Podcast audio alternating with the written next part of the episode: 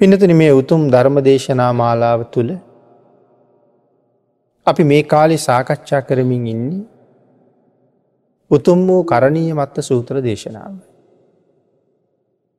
ඒ දේශනාව ඇසුරු කරගෙන මේ වෙනකොට ධර්ම දේශනා හත සම්පූර්ණ කරලා තියෙනවා. අද බලාපොරොත්තු වෙන්නේ අටවෙනි ධර්ම දේශනාව සිද්ධ කරන්නට. පිනතින අපි තාමත් සාකච්ඡා කර කර ඉන්නේ මේ උතුම් සූත්‍ර දේශනාව පළවෙනි ගාථාව. පළවෙනි ගාථාවේ අවසාන වචන කීපය. සුවචෝචස්සන් මුෘදු අනතිමානමාන මේ අනතිමානී බව නිහතමානී බව තමයි අපි සාකච්ඡා කරමින් හිටිය. යම් පුද්ගලයකුට මානය ඇතිවෙන්න කොච්චර හේතු තියෙනවද. නමුත් නිහතමානී කියල කියහම මානයක් නැති බව. ඒ අතර අපි සාකච්ඡා කළා මේ ශාසනය ඒයට ගැලපෙන උසස්ම චරිතයක් ගැන. ඒ තමයි ධර්ම සේනාධිපති සාරිපුත්තයන් වහන්සේ.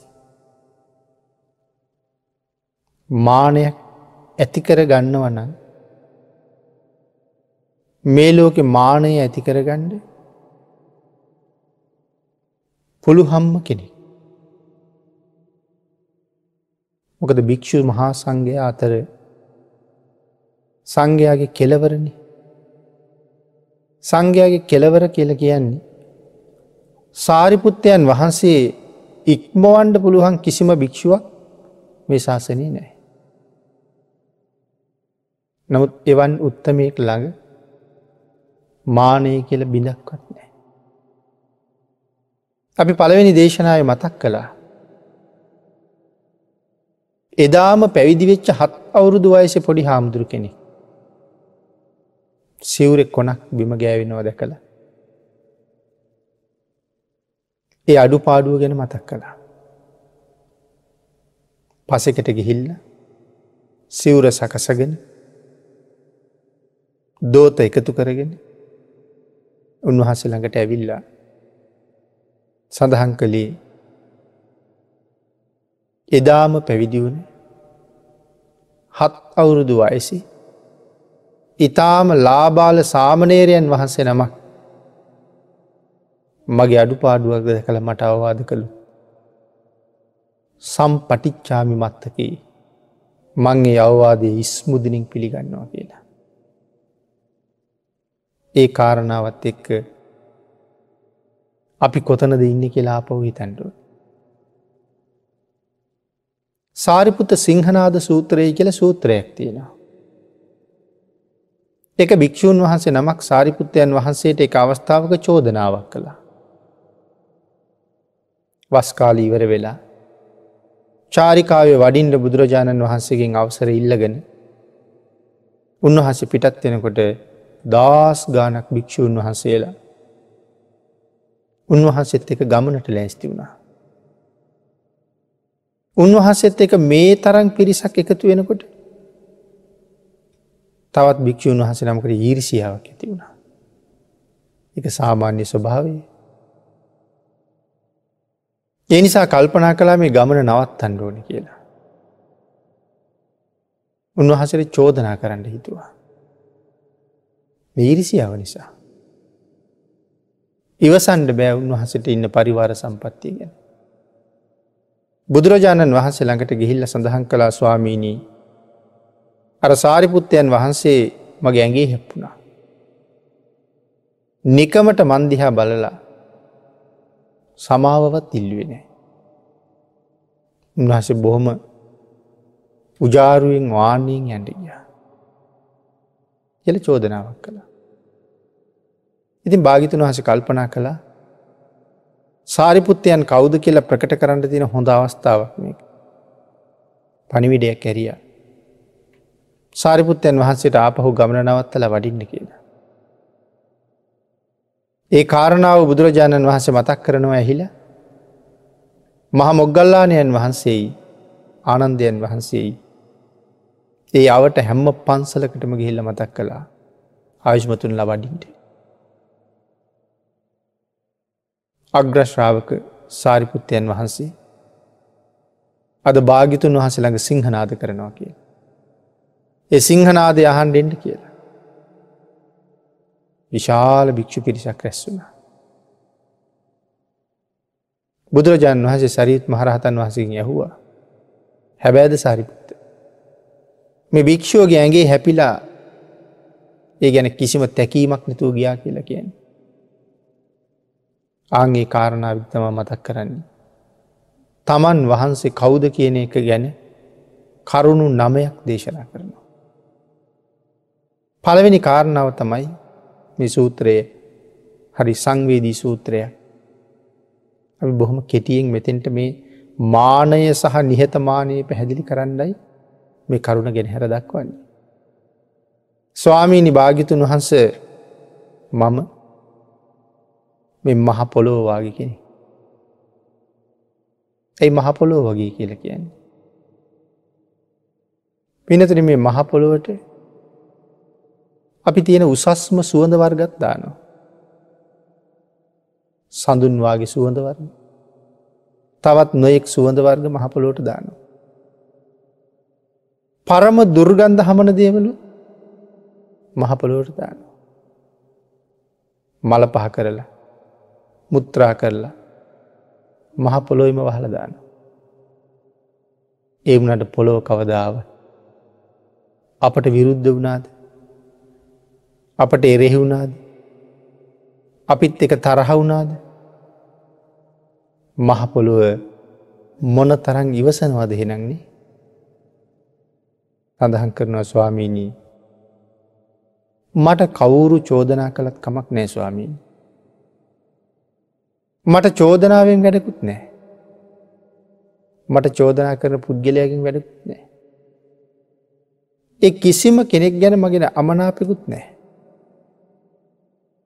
මං මහපොලෝ වගේ මගේ ගුණයත් ඉවසනවා මට කරන ප්‍රසංසාවත් ඉවසනවා මට කරන චෝදනාවත් ඉවසනවා.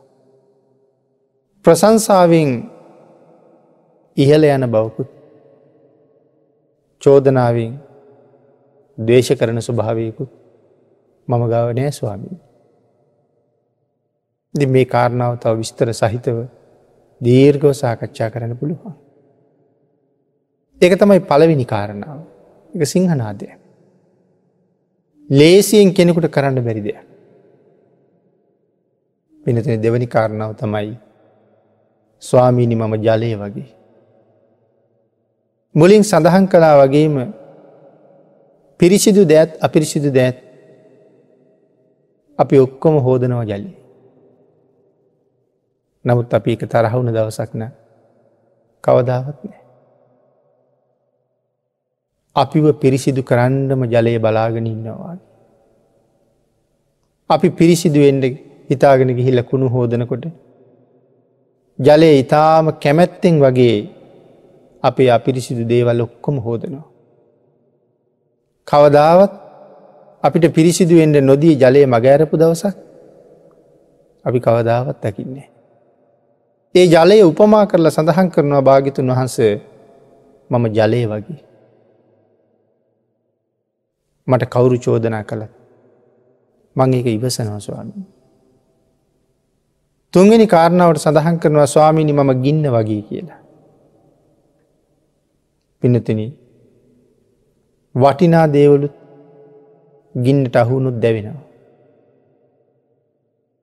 ඉතාම නොවටිනා අසුච්චි වගේ දේවල් දුර්ගන්ධය සහිතව ගින්නට අහුුණත් දවලදානවා. මැරිච්ච මලකඳන් වුණත් ගින්න විසින් පුළුස්සනවා.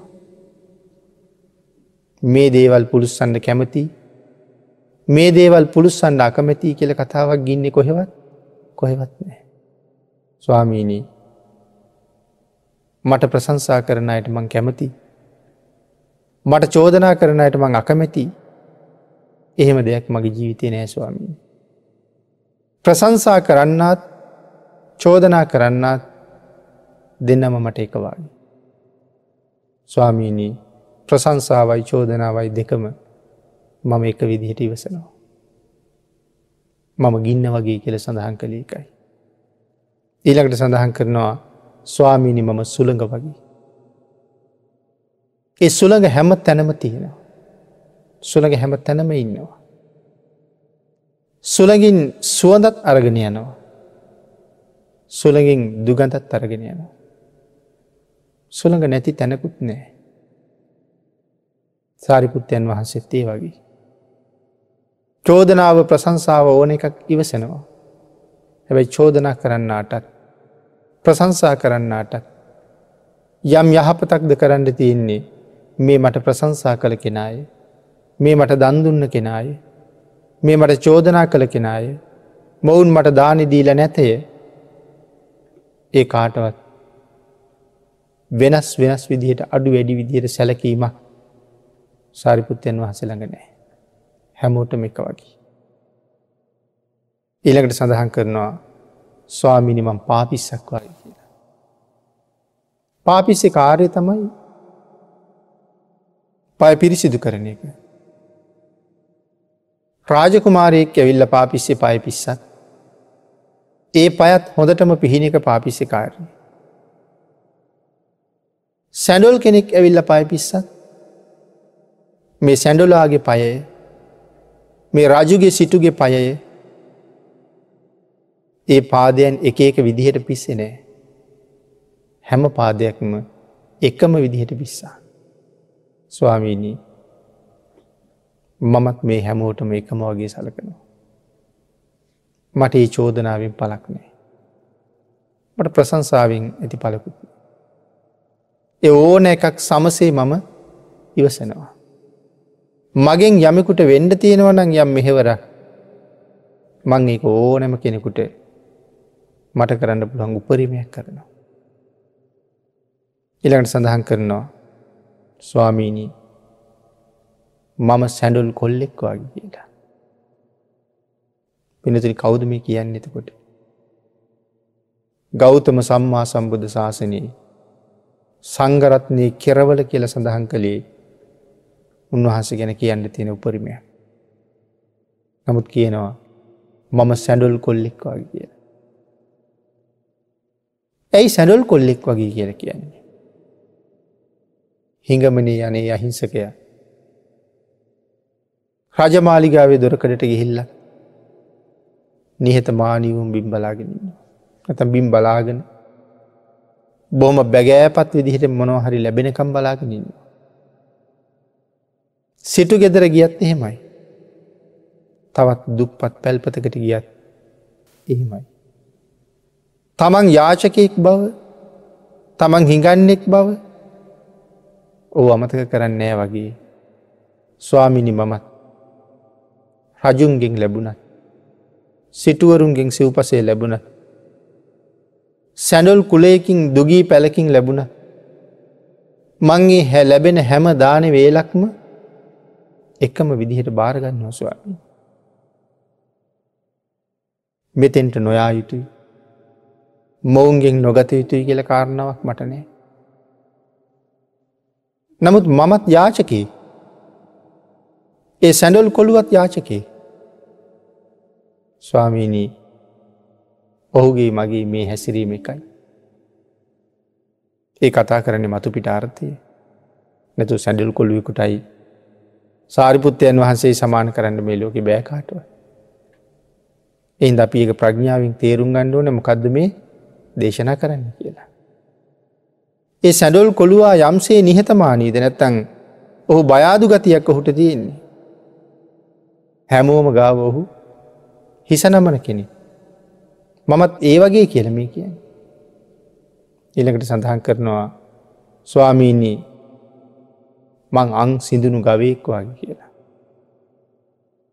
ගවයගේ අන් දෙකම නැත්තන්. ඔහුට රැකවරණය හුඟ බොහොම අඩුයි. අං දෙක ඔහුට ලොකූ රැකවරණයක් හදනවා. අන් දෙක දිගට වැවිල තියෙනවනම් අපි වුනත් ළඟට යන්න බයයි අන් දෙක්කාම.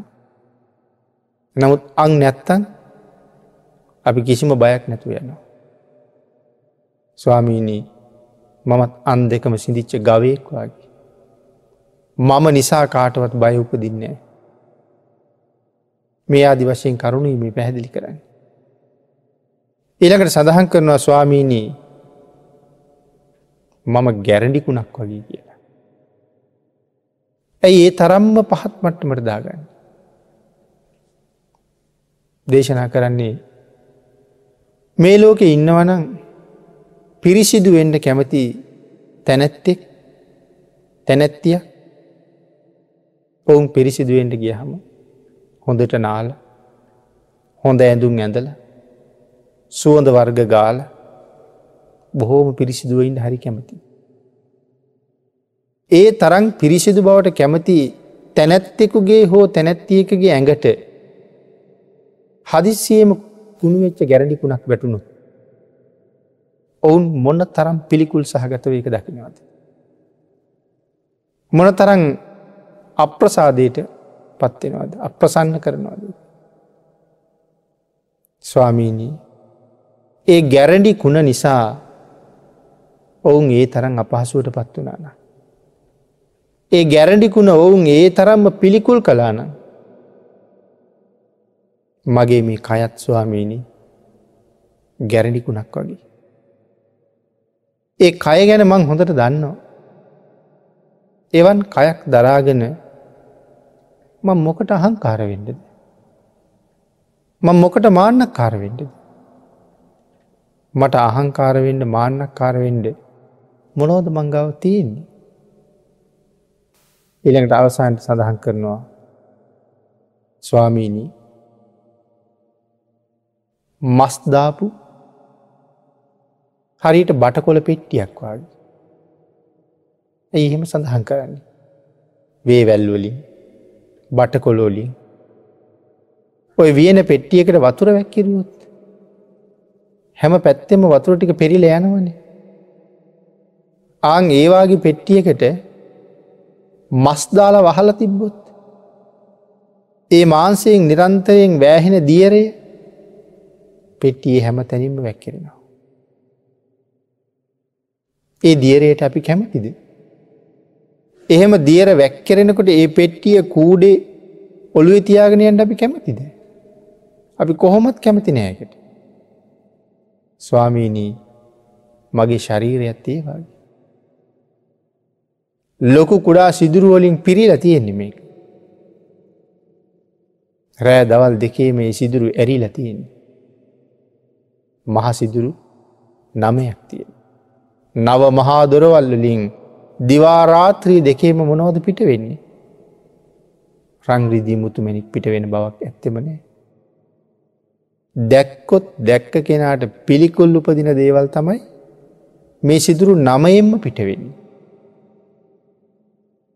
කං සිදුරු දෙකයි නාස් සිදුරු දෙකයි ඇස් දෙකයි මුකයයි දොරවල් හතයි.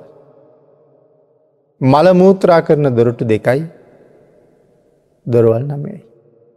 කවදාවත් මෙවා වහල තියෙන්ට පුළුහන්ද. නිරන්තරයෙන් විවෘතයි. මේ ශරීරයේ රෝමකූප අනූ නමදාහක් තියෙනවා කියල කියනවා. මේ හැම රෝම කූපයක් කූපයක් ගානමකක්ද තියන්නේ සිදුරක් තියෙනවා. ඒ හැම්ම සිදුරකින්ම මොනවද නිකුත්තෙන්නේ දහදිය ගලාගෙනෙනවා. අපි කැමතිද දහදියවලට. ගලල පෙඟුණහම හරි දුර්ගන්ධයි. වේලුන හම අපි කියන ලුණු පිපිල කියලා සුදු පාටට මිදිලා. ඇතුළින් ඇවිල්ල තියෙන අපද්‍රවී. ඉතින් එන අර සිදුරු සහිත බටකොල පෙට්ටියෙන් නිතරම මාන්සේ දියරේ වැැක්කරෙන වගේ මේ ශරීරයෙන් හැම වෙලාම අපද්‍රව්‍යම එලියට නිකුත්තෙනවා.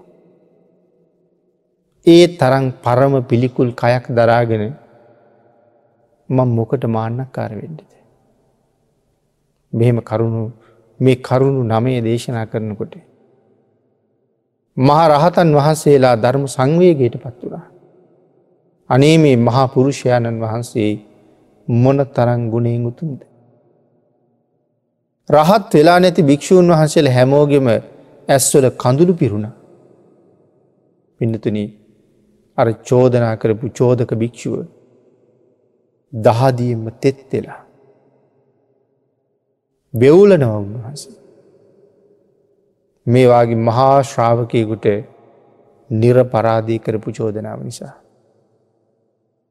නමුත් භාගිතුන් වහන්සේ සියලු කරුණු ඉවසලා සාරිපුත්තයන් වහන්සේට සඳහන් කළා. සාරිපුත්ත මේ අඥ්ඥාන පුද්ගලයට අනුකම්පා කරන්න.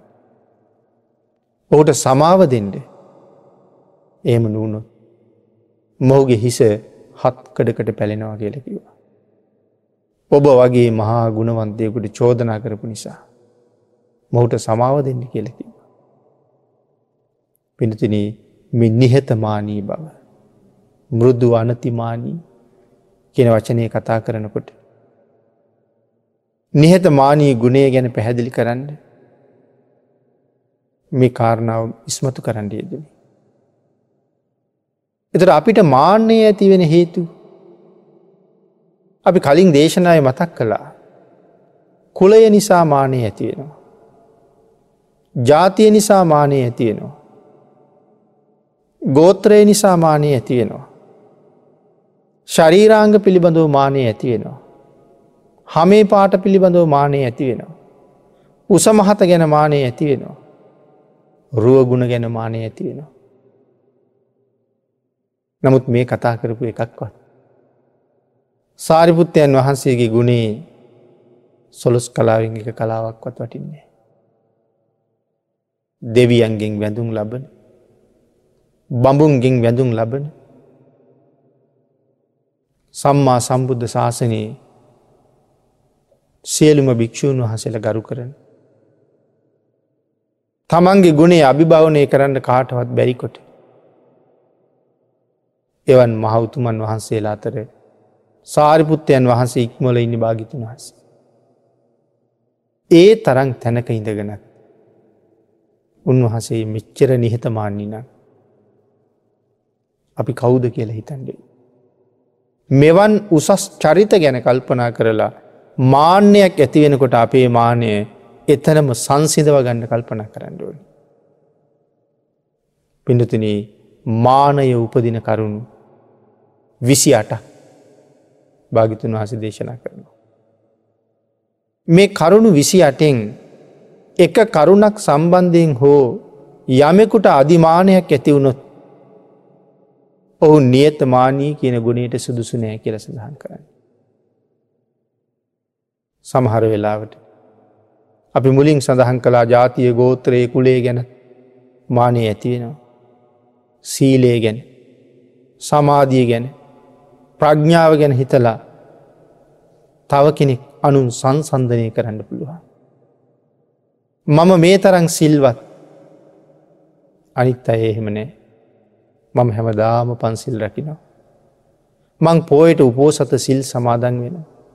මං හරියට දන් දෙනවා. මන් දවසකට පෑ හතරක් පහක්වත් භාවනා කරනවා.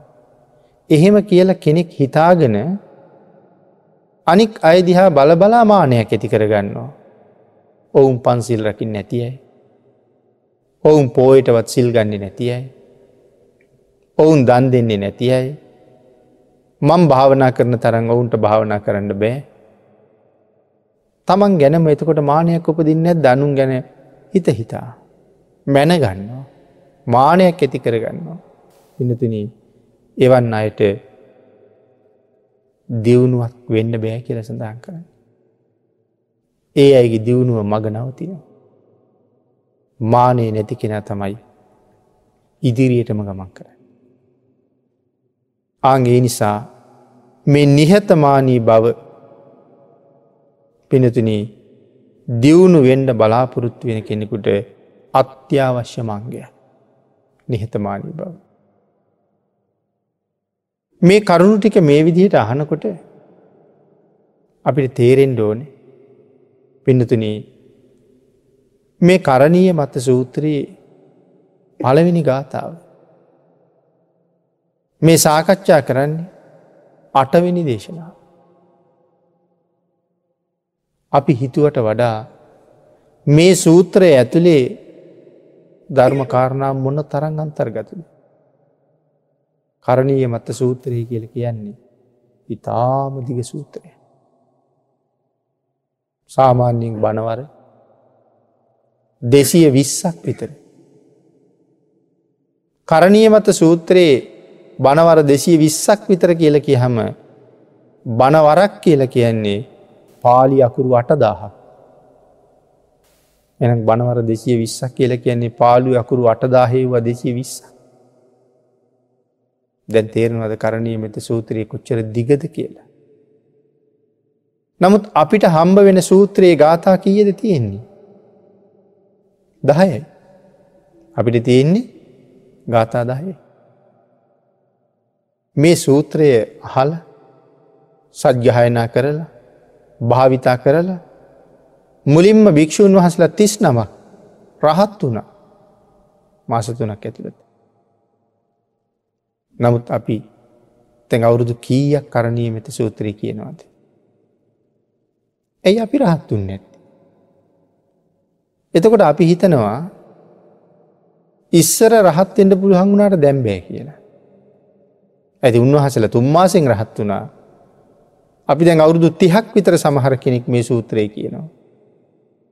තාම වෙච්චමකොවත් වෙච්චමකොවත් නෑ. හේතුවමකක්ද. හේතුව තමයි සූත්‍රයේ අර්ථය මේ විදිහට දැනගන්නේ නැතිය. ගාථා දහයක් අපට දේශනා කළේ බුදුරජාණන් වහන්සේ. ඒ ඔය ප්‍රමාණය අපේ අරහත්වයටත් හොඳටම ප්‍රමාණවත් නිසා. නැතු භාගිතුන් වහස අපිට අඩුවෙන් සැලකු අනිමේනි. මේ ප්‍රමාණය අපිට ඇති නිසා දහයක් දේශනා කරලති. ඉතින් ඔය දහය ලිහා ගණ්ඩුවනේ. එක වචනයක් ඇතුළේ මොන ධර්මකාරණා තොගයක් අන්තර්ගතද ඒ ලිහල්ල ලිහල්ල ලිහල්ල තුනී කර කර තුනී කර කර බලන්න ඕන මේ ඇතුළි මොනවද තියෙන කියලා. අං එහෙම තේරුම් ගත්ත හම තමයි එක ජීවිතයට හොඳට බද්ධවෙන්. ඒ නිසයි අපි මේ සාකච්ඡා කළ ප්‍රමාණයටත් වඩා තව කරුණු සාකච්ඡා කරන්න තියෙන. එමනම් පළවෙනි ගාථාවෙන් මේ කරගෙන යන්නේ අටවිනි දේශනා. අවසාන්ට තියෙන මෘදු අනතිමානී. ඒ නිහතමානී ගුණය කොයි තරම් වටිනවද. මේ ගාථාවට අනුව අපේ ජීවිතය හැඩගස්ව ගන්න අපිට කොයි තරම් කාලයක් ගතවේද පින්නතින. මේ පළවෙනි ගාථාවට අනුව ජීවිතය හැඩගස්ව ගණ්ඩ සමහර වෙලාවට මුළු ජීවිත කාලෙම පුළුවන් වෙන එකක් නෑ. නමුත් අපි උත්සාහ කරන්න ඕනේ. යම් ප්‍රමාණයක් හරි මේ ජීවිතයට එකතු කරන්න. පිනතුනී නිහත මානීගම ගැන සඳහන් කරනකොට සාරිපුත්තයන් වහන්සේ පිළිබඳව පැහැදිලි කරපු කරුණුත් එක්ක ඒ ගුණයන් මොනතරං උත්තරීතරද. ශ්‍රේෂ්ඨද කියන කාරණාවල් අපිට වැටහෙනවා. පිඩතුනී අපේ භාගිතුන් වහන්සේ මේ කාරණාව දක්වල බුදුරජාණන් වහන්සේ පස්සේ සාරිපුත්තයන් වහන්සේට උන්වහසේට සමාව දෙන්න කියලා මතක් කරලා. සාරිපුත්තයන් වහන්සේගේ ගුණ තව තව ලෝකෙට ප්‍රකට කරවන්නේ දුන. පිනතුන අපි ඊළඟට සාකච්ඡා කරමු. මේ උතුම් සූත්‍ර දේශනාවේ දෙවනි ගාථාව. සන්තුස්ස කෝච සුභරෝචය. මොකද මේ සන්තුස්ස කෝච කියල කියන්නේ.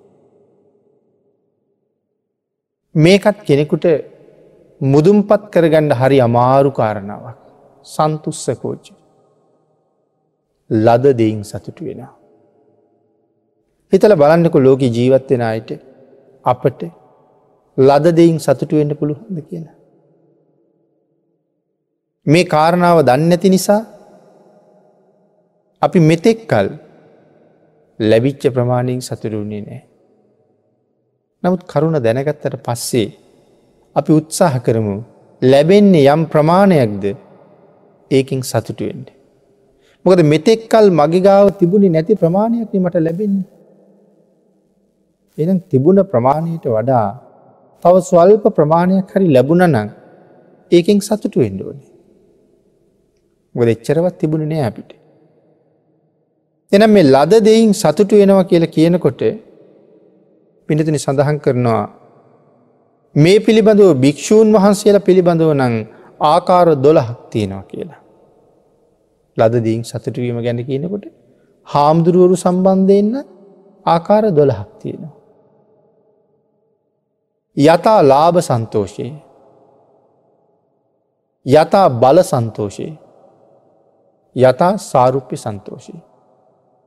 එතවට කාරණත් තුනයි. මේ කාරණා තුන චීවර සම්බන්ධයෙන් තියෙන්ඩුවනේ. පින්ඩ පාත සම්බන්ධයෙන් තියෙන්ඩුවනේ. සේනාසන සම්බන්ධයෙන් තියෙන්ඩෝනේ ගිලාන ප්‍රත්ති පිළිබඳව තියෙන්ඩෝනේ. දොට කාරණා තුන තුන සිව් පසේ ගැන එකතුන හම කරුණු දොළහයි. ඒකයි සඳහන් කළි හාමුදුරුවරු සම්බන්ධයෙන් කාරණා දොළහකින් විස්තර කරනවා කියලා. එන මේ යතා ලාභ යතා බල යතා සාරුප්පිය. යතා ලාභ කියල කියන්නේ කිසියම් හොඳ දෙයක්. එහෙම නැත්තං නරක විසි කරන දෙයක්. මේ කුමක් ලැබුණ සතුටුවෙන්ඩුව. මට ලැබිච්ච දී ගැන. එනිස සඳහන් කළේ හොඳ හෝ නරක සිවුරක් ලැබුණු. හොඳ සිවුරක් ලැබෙන්ඩත් පුළුවන් නරක සිවුරක් ලැබෙන්ඩත් පුළුවන්. ඒකැන මම කැමති නැති සිවුර ලැබෙන්ඩත් පුළුවන්. නමුත් ඒ කෝකෙන් නමුත් සතුටු වෙන්න ඕනේ. මෙතන පැහැදිලි කරනවා ඉතාම දුහුල් ගතියෙන් යුක්ත බර නැති සිවුරක් ලැබුණොත්. තමන්ට එය සුදුසු නැත්තං සුදුසු භික්‍ෂුවකට දීලා. එක පොරවන්ට සුදුසු භික්‍ෂුවකට දීලා. තමන් කැමති තමන්ට සුදුසු රලු සිවුර උන්වහස්සෙත් එක මාරු කරගන්නට. සඳහන් කළා රලු සිවුරක් ලබා ගැනීම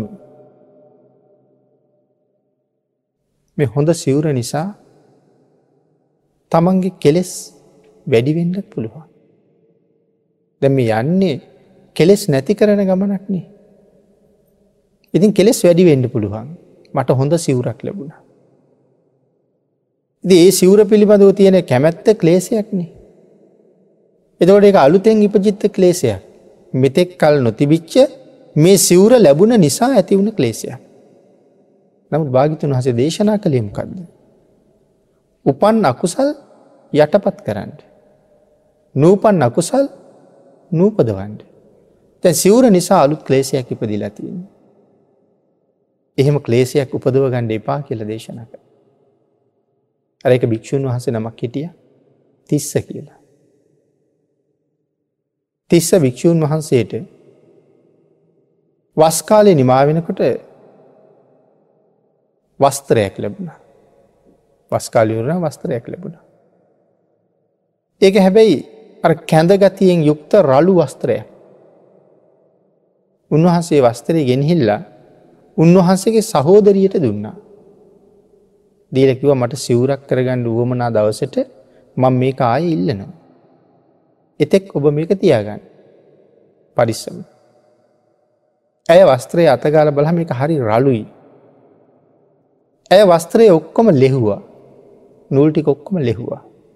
ලෙහලා ඇය නැවත වස්ත්‍රය වීයා. ස්වාමීන් වහසට සිවරක් හදාගන්න ුවමන වුණට පස්සේ උන්වහස ගිහිල්ල සහෝදරියකින් වස්ත්‍රය ඉල්ලවා. ඉටවස ඇය වස්ත්‍රය ගැන පූජ කළා. ස්වාමීන් හස වස්ත්‍රය අතට ගන්නකොටම කිව්වා මේක මන්දුන්න වස්තරය නෙමේ කියලා. ඉටවස ඇය සඳහන් කළා ස්වාමීණි ඕකම තමයි වස්ත්‍රයේ. නමුත් මම වස්ත්‍රයේ සම්පූර්ණයෙන් ලෙහෙල නැවත වියල තමයි ඔය මෘදු බවට පත් කරලතිී. උන්වහසේක ගැන ගොඩාක් සතුටුුණ. සතුට වෙලා උන්වහසයකින් සිවුරක් කළා. නමුත් උන්වහන්සට ඒ සිවුර පොරවන්ඩ බැරුව ගිය.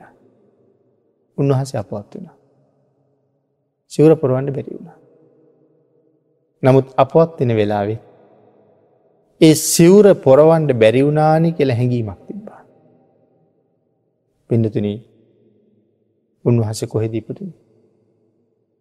උන්වහස අපවත් වෙලා ඒ සිවුරෙම ඉනිකුණෙක් වෙලා ඉපදුනා. මෙච්චර කාලයක් සිල් රැකපු භික්‍ෂූ.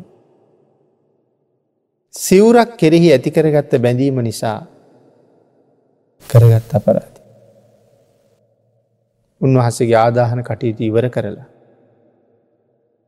භික්‍ෂූන් වහසල මේ සිවුර කපලා කෑරි කෑලියෝල්ට කරලා බෙදා ගණඩ ලෑස්තිවුණ. සමසේ බෙදන්ඩයි යන්න සිවුර. ඉනිකුණා සිවුරට වෙලා ඉඳගෙන අඩනවා මගේ සිවුර කපන්ඩ එපා කියලන්ටන. එක හාමුදුරුවන්ට ඇහෙනවද. නමුත් ඒ භාගිතුන් වහසට ඇහෙනවා. භාගිතුන් වහස භික්‍ෂූන් වහසලට ආමන්ත්‍රණය කළා. මහන්නේ ඔය සිවුර බෙදන්ඩි පාදයම. ඔය සිවුර තව දවස් හතක් යැනකං ඔහොම්මම තියල තියන්ට. ඉන් පස්සේ බෙදාගණ්ඩි කිවා. සිවුර භික්‍ෂූන් වහසල කැපුවන අර ඉනිකුණා මහා සංඝයා ගැන දේශයක් ඇති කරගන්න. ඉනිකුණාට දීර්ඝාවිෂයක් නෑ.